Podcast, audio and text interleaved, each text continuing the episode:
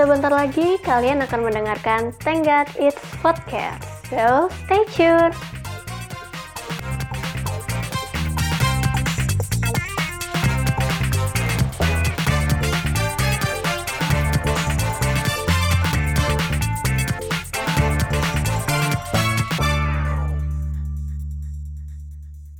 Hai hai hai, ketemu lagi sama Nindi masih di Tenggat It's Podcast.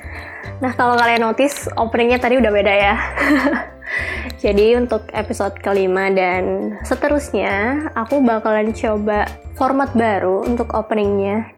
Dan untuk kontennya aku usahain untuk lebih uh, berfaedah dikit supaya nggak nirfaedah nirfaedah amat ya kan.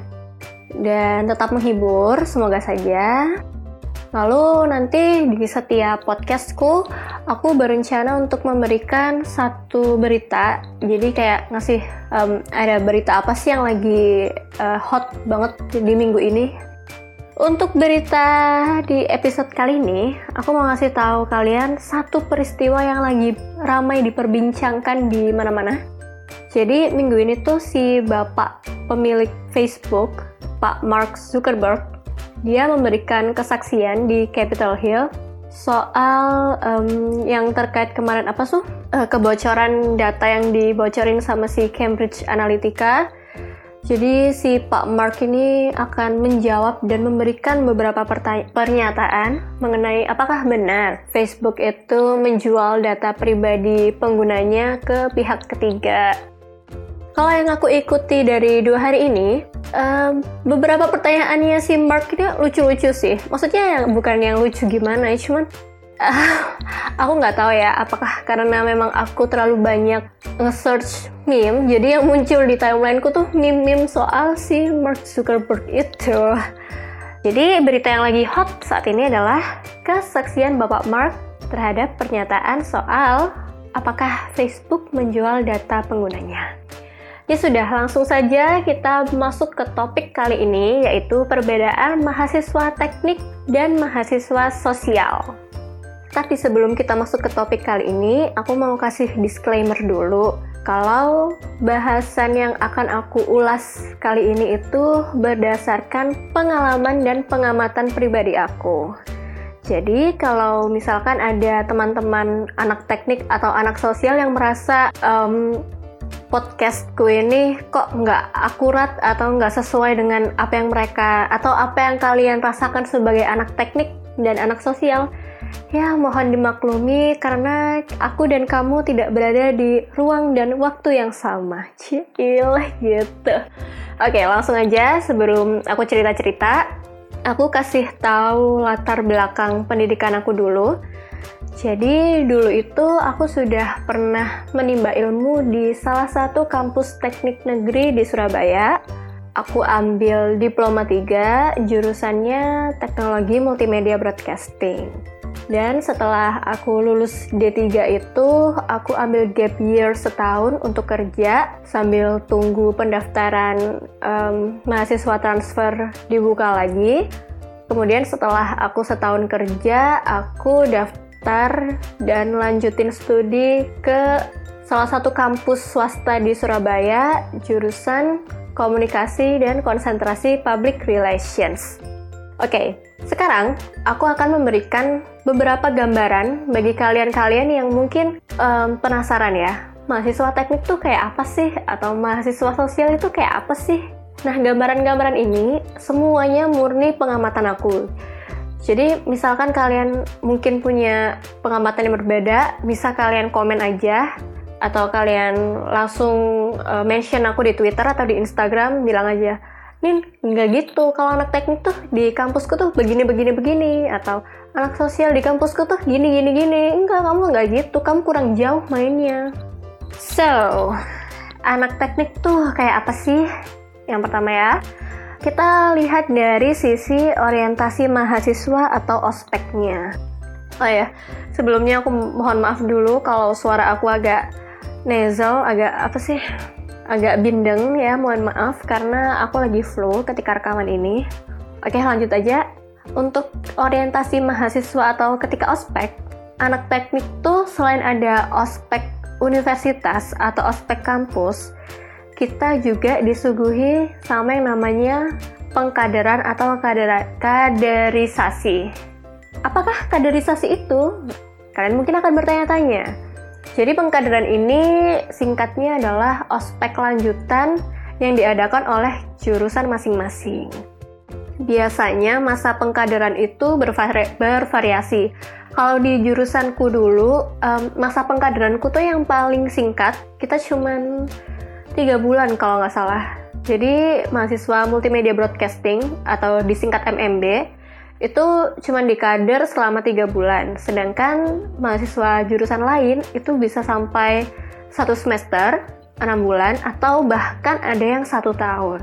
Nah, di masa pengkaderan itu ada berbagai hal yang harus kita taati, kayak misalkan aturan harus pakai baju berwarna tertentu untuk hari tertentu, atau harus pakai uh, identitas jurusan kayak gitu-gitu. Terus uh, biasa yang paling umum dilakukan di kampus teknik di kampusku dulu, nggak tahu kalau kampus teknik lain itu ketika pengkaderan si mahasiswa baru yang dikader ini wajib banget hukumnya untuk menyapa seluruh warga atau civitas akademika yang ada di kampus. Jadi mulai Pak Satpam, lalu kayak kakak kelas, atau dosen, atau bahkan sesama temen yang lain jurusan pun juga harus disapa. Kalau bisa tuh daun atau kucing yang berserakan di jalanan tuh juga kamu sapa deh. Karena itu uh, sebagai bagian dari pengenalan kita terhadap hal-hal yang ada di kampus kayak gitu. Nah, setelah selesai dapat uh, apa materi pengkaderan, biasanya mahasiswa teknik itu akan lebih tangguh dalam menghadapi hidup ke depannya.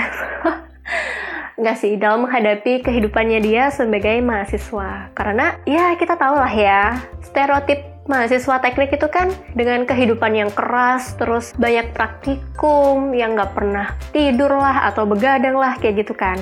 Nah dengan adanya pengkaderan, kamu itu akan merasa hidupmu yang setelah pengkaderan itu nggak ada apa-apanya dibandingkan waktu pengkaderan. Bedanya sama anak sosial, kalau mahasiswa sosial itu, setahu aku, di kampusku sekarang itu nggak ada pengkaderan. Jadi abis ospek kampus ya udah kelar. Udah nggak ada apa sih follow upnya lagi. Biasanya ospek kampus itu uh, berapa minggu sih? Seminggu ya. Seminggu terus biasanya ada LKMM gitu pelatihan kepemimpinan. Itu paling cuma tiga hari dua malam. Dan ya udah kelar deh. Kalian udah kayak ya udah jadi mahasiswa biasa bedanya di situ untuk uh, sisi orientasi mahasiswanya kalau dari sisi penampilan anak teknik yang paling mencolok adalah mereka selalu bawa ransel segede gaban lengkap dengan isinya. Biasanya, ranselnya anak teknik tuh isinya yang pertama adalah laptop beserta charger, beserta headphone, USB apalah segala macem. Bahkan kalau bisa bawa stick apa joystick juga dibawa deh teman-temanku anak teknik tuh. Selain bawa ransel, mereka juga biasanya memakai kemeja kotak-kotak. Ya yang terlihat dari penglihatan aku selama kuliah di kampus teknik itu kayaknya anaknya semuanya pakai kemeja kotak-kotak dengan warna yang berbeda-beda aja gitu sehari-harinya. Cuman ya tetap kemeja kotak-kotak selain itu mereka juga jarang memperhatikan penampilan. Jadi kalau um, biasanya ciwi-ciwi itu kan identik dengan pakai make up gitu ya atau nggak usah make up deh kalau ke kampus pakai lipen lipen. Apa sih? Gincu lipstick gitu kan. Kalau anak teknik boro-boro pakai lipstick bisa mandi aja kayaknya udah alhamdulillah banget gitu. Jadi jarang banget memperhatikan penampilan. Kayak ya udahlah pakai kemeja pakai sepatu yang penting kita pakai baju. Udah deh berangkat kuliah. Dulu pun aku juga begitu. Jadi aku ketika jadi mahasiswa teknik tuh nggak ngerti dah tuh. Yang namanya pelembab, toner, skincare yang Korean skincare kayak anak sekarang nggak ngerti sama sekali. Ya udah pokoknya kuliah aja. Makanya kalian kalau ke kampus teknik jangan kaget ya. Kalau melihat anak-anaknya kayaknya ah apa belajar mulu nih dia nih? Sampai nggak sempet sisiran atau gimana ah dan yang paling mencoloknya lagi dari mahasiswa teknik jadi di kampus teknik itu biasanya kita setiap jurusan itu punya yang namanya jaket jurusan jadi misalkan nih di jurusan multimedia broadcasting di MMB itu warna jaket jurusannya adalah ungu. Kalau jurusan lain misalkan elektronika gitu ya, itu warna jaketnya kuning. Nah, mereka punya tuh jaket sendiri-sendiri. Dan syarat untuk mendapatkan jaketnya adalah kalian harus lulus pengkaderan. Setelah kalian udah dapat jaketnya, jadi itu di jaketnya itu ada identitas kampus dan identitas jurusan. Bentuk jaketnya tuh kayak bentuk jaket ini loh, um, jaket berbahan parasut yang bisa dibolak-balik. Jadi kalau pakai yang satu sisi warnanya apa, di sisi lain warnanya apa gitu. Mahasiswa teknik ini entah kenapa seneng banget pakai jaket identitas jurusan. Bahkan ke mall pun mereka pakai tuh jaket jurusan, padahal nggak ada modis-modisnya. Sampai aku kayak dari kejauhan tuh ya, aku bisa lihat, wah anak kampus ini nih gitu. Ngapain mereka pakai jaket di dalam mall? Ya Allah, ya kayak begitulah karena um, anak-anak teknik ini kan uh, jarang memperhatikan penampilan ya ya bahkan ciwi-ciwinya pun kayak ya udahlah abis mandi langsung berangkat ke ngampus ketika ada yang akhirnya memperhatikan penampilan kayak misalkan pakai gincu atau bajunya nggak kotak-kotak pakai baju bunga-bunga misalkan atau nggak bawa ransel itu bakalan jadi tontonan gratis cuy bayangin aku pernah tuh ya, jadi aku kuliah pakai baju yang warnanya tabrakan. Nggak tabrak lari, tabrakan. Waktu itu aku pakai kerudung warna um, kuning cerah, terus pakai kaos warna pink muda. Tabrakan banget kan? Tapi sebenarnya itu ada di palet warna. Kalau kalian cari di color palette, itu ada kok palet warna yang menggabungkan warna kuning dan pink. Jadi aku nggak asal aja nabrak-nabrakin warna udahlah aku pakai tabrak warna ya kan terus nggak pakai ransel lagi aku pakainya tote bag tas yang dibawa kecil gitu loh. Udahlah. Jadi deh tontonan gratis tuh. Bahkan ada yang tanya temenku nih temen dari jurusan lain itu ada yang tanya mau ke mana nih mau ke mall lah si bapak bercanda aja orang mau kuliah kok dikata ke mall. Ya begitulah. Pokoknya kalau ada penampilannya yang istilahnya tuh dalam tanda kutip ya nggak anak teknik banget udah tuh pasti jadi tontonan gratis satu kampus. Kalau yang mahasiswa teknik tadi bawanya ransel segede gaban mahasiswa sosial mah bawa tas kalau inget aja coy. Dan isinya ya seminimal mungkin lah. Kalau bisa paling isinya cuma dompet sama HP ntar kalau mau nyatet ya udah nyatet di HP atau enggak di foto slide-nya. Atau enggak minta kertas tuh ke teman sebelah sama pinjem bolpen. Begitu tuh kalau anak sosial di kampus aku terus kalau bajunya juga mereka nggak pakai kemeja kotak-kotak. Mereka outfitnya lebih beragam alhamdulillah. Jadi mata agak seger lah nih. Melihatnya nggak sama mulu kayak seragam. Dan mereka juga lebih modis dan memperhatikan penampilan.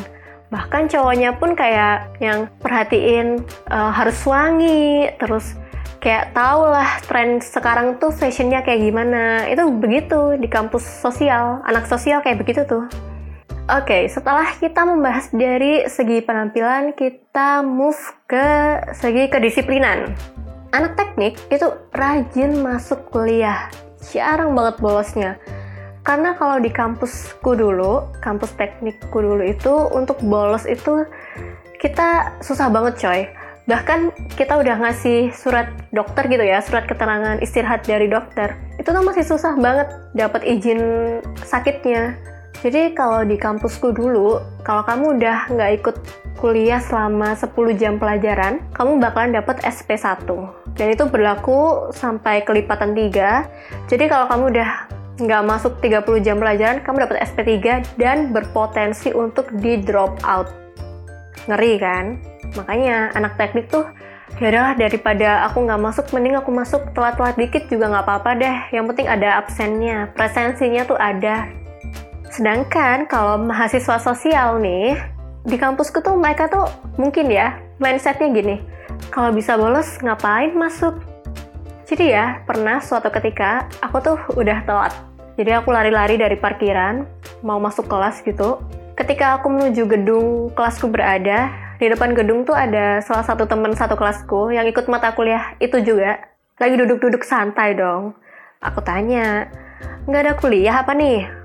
Eh, ternyata jawabannya dia adalah, ada mbak, dosennya udah masuk kok, lagi pengen duduk-duduk aja di sini.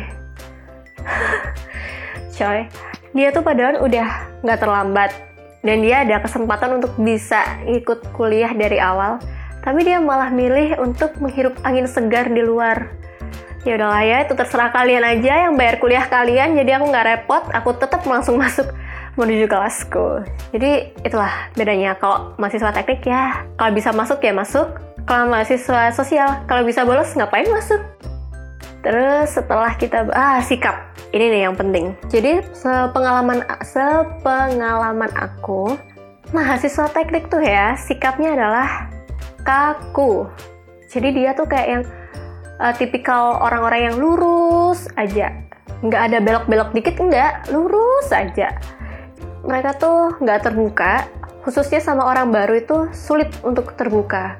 Dan mereka merasa bahwa ya udah ngapain sih aku ngajak ngobrol gitu. Ibaratnya ya susah berbahasa basi lah. Sebenarnya bagus, bagus juga kalau mereka nggak ada basa basi kayak ya udahlah daripada kalian ngomong tapi nggak berguna, mending diem aja gitu kan. Tapi ini nggak terbukanya kebangetan coy. Kayak uh, individualis, ya individualis istilah yang tepat untuk menggambarkannya. Tapi bagusnya adalah mereka tuh segan sama dosen. Jadi anak teknik tuh uh, sangat menghormati dosennya. Ibaratnya tuh gini, kalau kita ada kastanya nih ya, dosen tuh udah kasta tertinggi di dalam kehidupan anak teknik. Kayak kalau kita sama temen, sesama mahasiswa, kastanya sama.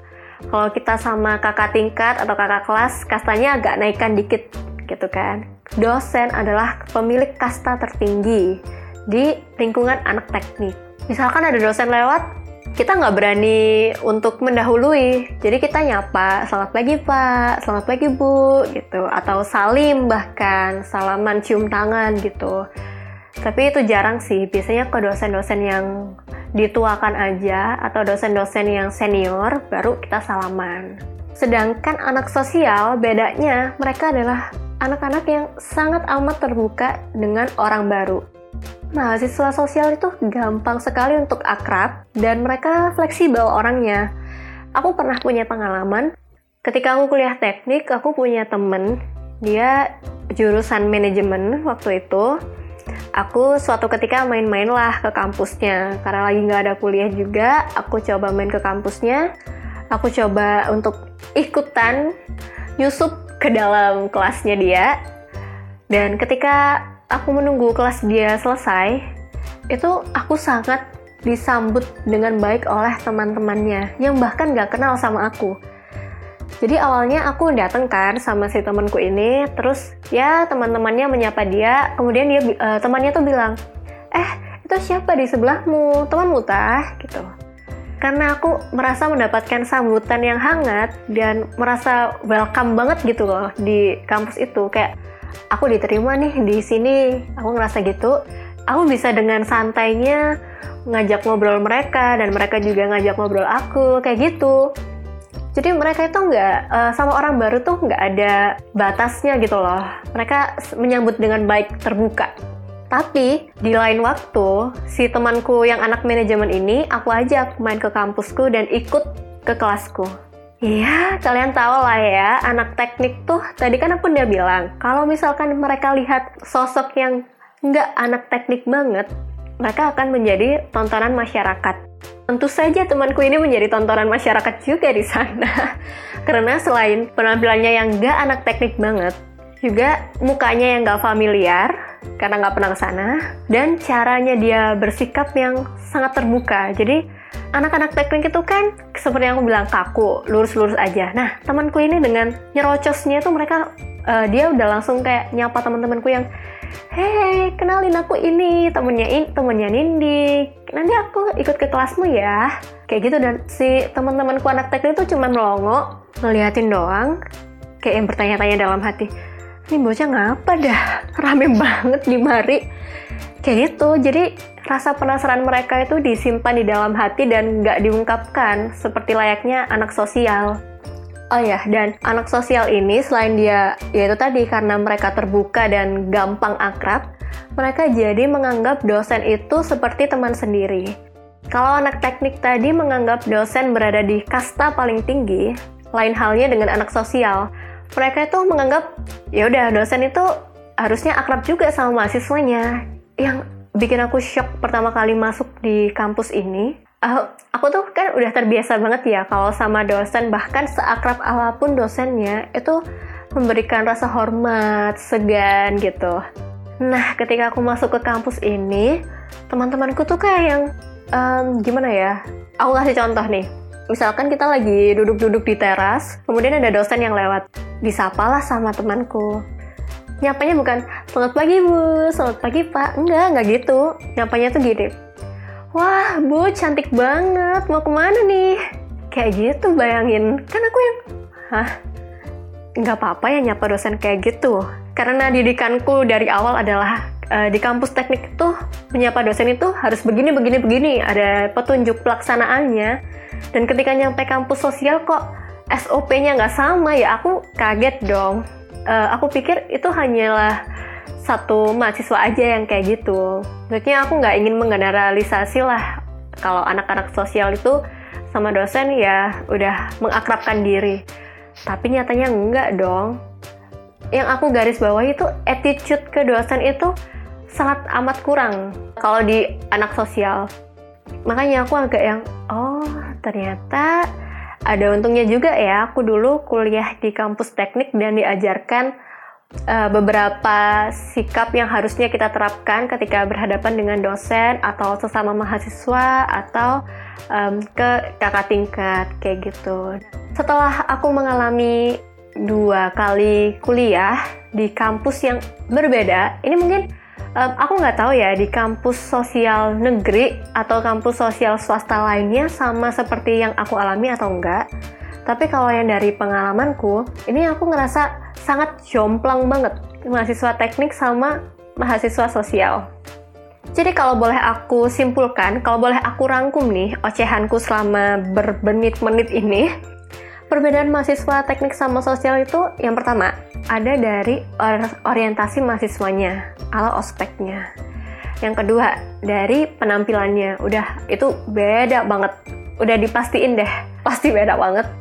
Um, terus yang ketiga, dari segi kedisiplinannya juga jauh berbeda. Dan yang keempat, dari sikap mereka ketika berhadapan dengan orang lain. Itu juga beda. Begitu teman-teman sekalian. Ya, yang bisa aku simpulkan, nggak ada mahasiswa yang lebih baik atau yang lebih buruk dari yang lain, enggak. Karena itu semua kembali lagi ke individunya masing-masing, semua kembali kepada personality masing-masing orang. Aku sekali lagi mengingatkan, tidak menggeneralisir ini dan tidak menyamaratakan ke semua anak teknik atau anak sosial di seluruh Indonesia. Ini karena berdasarkan pengalaman dan pengamatan aku sendiri. Oke, okay, kalau gitu udah lama nih aku ngoceh. Terima kasih sudah mendengarkan. Semoga gak ada yang tersinggung. Um, kalau misalkan kalian punya unek-unek lain atau misalkan kalian mau komentar oh enggak enggak. Aku mahasiswa teknik tapi harusnya begini begini begini. Atau aku mahasiswa sosial dan kamu belum nyebutin kalau anak sosial itu gini gini gini. Boleh komentar aja di sini. Atau kalian bisa mention aku di Twitter @nindunia jadi mari kita menjalin pertemanan antara mahasiswa teknik dan mahasiswa sosial. Dan jangan ada dusta di antara kita. Enggak lah, jangan ada iri-irian atau mana yang lebih baik, mana yang lebih buruk di antara kita. Oke, okay? kita semua mahasiswa yang akan menjadi agent of change bagi nusa dan bangsa. ngomong apa?